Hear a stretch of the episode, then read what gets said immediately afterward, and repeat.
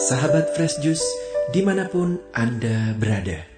Lima hari lagi kita akan berjumpa dalam ulang tahun Fresh Juice yang ke-10. Untuk itu, kami mengundang sahabat Fresh Juice untuk mengikuti ulang tahun Fresh Juice 25 November 2022 dan siarah Fresh Juice 26 November 2022 dengan door prize utama siarah gratis ke Holy Land bersama Fresh Juice dari Holy Global Tour dan siarah gratis ke Turki bersama Fresh Juice dari Renata Tour. Pendaftaran bisa menghubungi WA 0813 5390 4939 Akhirnya, mari saat ini kita mendengarkan Fresh Juice 20 November, di mana setiap tanggal 20 sampai 22. Fresh Juice seluruhnya mulai desain, editing, pengantar, dan renungan dibuat oleh OMK, Orang Muda Katolik Fresh Juice. Selamat mendengarkan.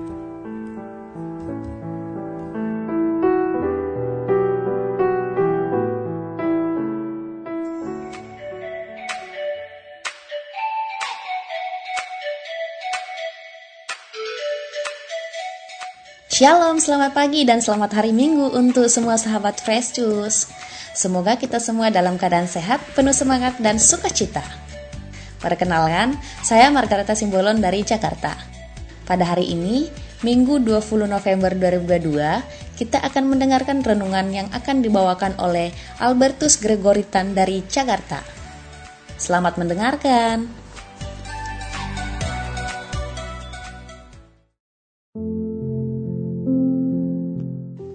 Selamat pagi dan selamat merayakan Hari Raya Kristus Raja Semesta Alam untuk semua sahabat setia pendengar renungan harian Daily Fresh Juice.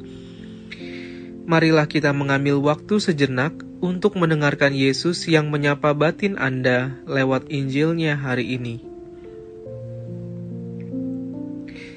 Inilah Injil Tuhan kita Yesus Kristus menurut Lukas. Dimuliakanlah Tuhan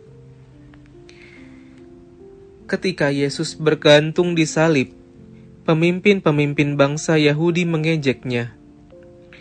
Orang lain ia selamatkan, biarlah sekarang ia menyelamatkan dirinya sendiri, jika ia benar-benar Mesias, orang yang dipilih Allah. Juga prajurit-prajurit mengolok-ngolokkan dia. Mereka mengunjukkan anggur asam kepadanya dan berkata, jika engkau raja orang Yahudi, selamatkanlah dirimu. Ada juga tulisan di atas kepalanya. Inilah raja orang Yahudi. Salah seorang dari penjahat yang digantung itu menghujat Yesus, katanya, "Bukankah engkau Kristus? Selamatkanlah dirimu sendiri dan kami." Tetapi penjahat yang seorang lagi menegur dia, katanya, Tidakkah engkau takut juga tidak kepada Allah, padahal engkau menerima hukuman yang sama? Kita memang selayaknya dihukum, sebab kita menerima balasan yang setimpal dengan perbuatan kita. Tetapi orang ini tidak berbuat sesuatu yang salah. Lalu ia berkata kepada Yesus, "Yesus, ingatlah akan daku." Apabila engkau datang sebagai raja. Kata Yesus kepadanya, Aku berkata kepadamu, sesungguhnya hari ini juga engkau akan ada bersama-sama aku di dalam Firdaus. Demikianlah sabda Tuhan. Terpujilah Kristus.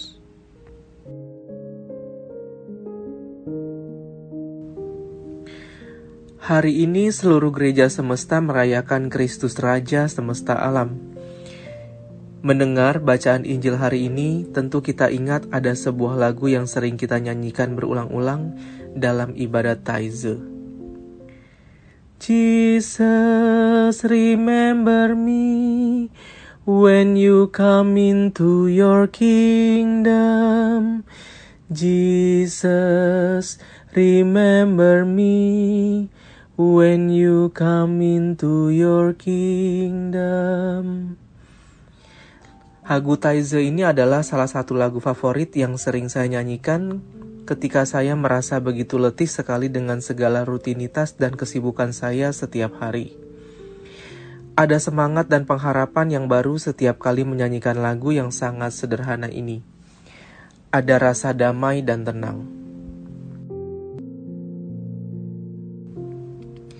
Injil hari ini seakan meminta saya untuk menuturkan sebuah kisah perjumpaan yang saya alami. Saya adalah seorang anak keturunan Tionghoa yang mendapatkan rahmat untuk diangkat dan diterima sebagai seorang anak dalam keluarga berdarah Batak di Pulau Samosir, Sumatera Utara. Dengan demikian, saya memiliki ayah dan ibu serta keluarga di sana. Ayah saya yang kini sudah berpulang setiap hari duduk di atas kursi roda karena lama menderita stroke. Ia tidak mampu lagi berjalan dan berbicara dengan lancar. Ayah saya dalam tata adat dan budaya memang termasuk orang yang dihormati dan disegani.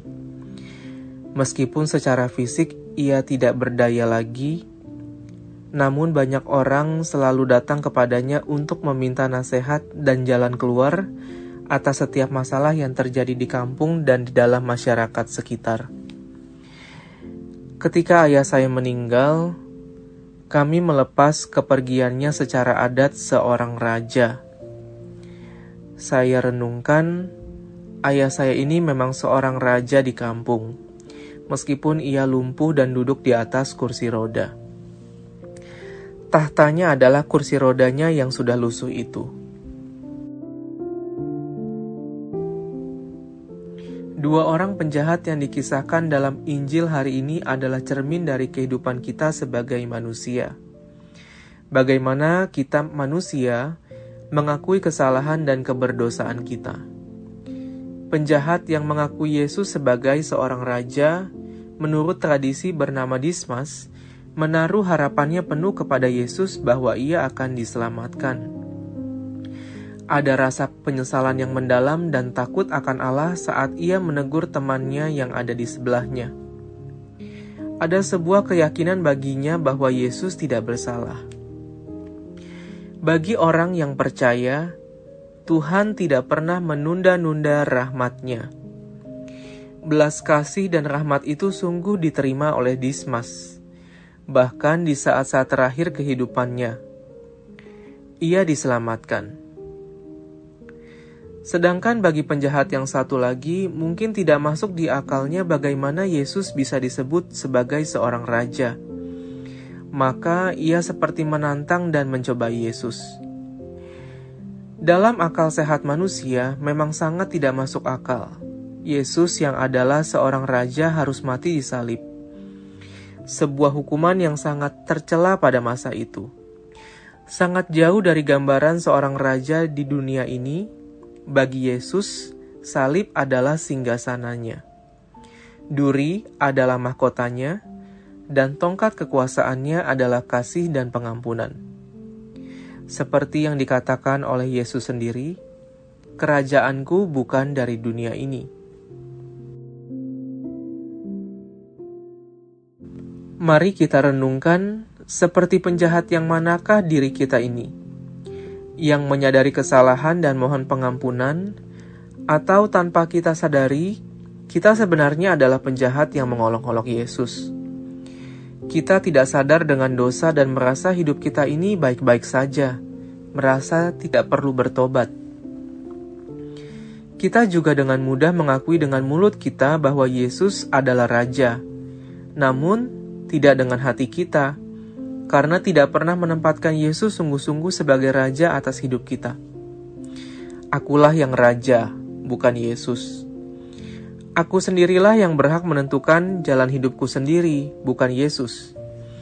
Ini adalah cara pandang manusia zaman sekarang yang menjadikan manusia sebagai Tuhan atas hidupnya, atas tubuhnya, juga atas hidup orang lain. Jika kita mengakui bahwa Yesus adalah Raja, maka hendaknya kita juga berusaha untuk menampakkan cara hidup sebagai anak-anak kerajaan Allah, yaitu cara hidup seorang hamba. Semoga hidup kita senantiasa diperbarui oleh semangat pertobatan untuk mengakui bahwa kita ini manusia berdosa yang selalu membutuhkan rahmat belas kasih Allah untuk selamat. Selamat mempersiapkan diri memasuki masa Advent. Ya Yesus, ingatlah aku saat Engkau datang sebagai Raja. Amin.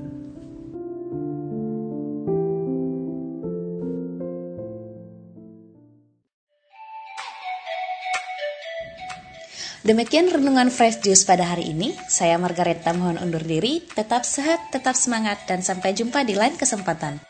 Salam Fresh Juice.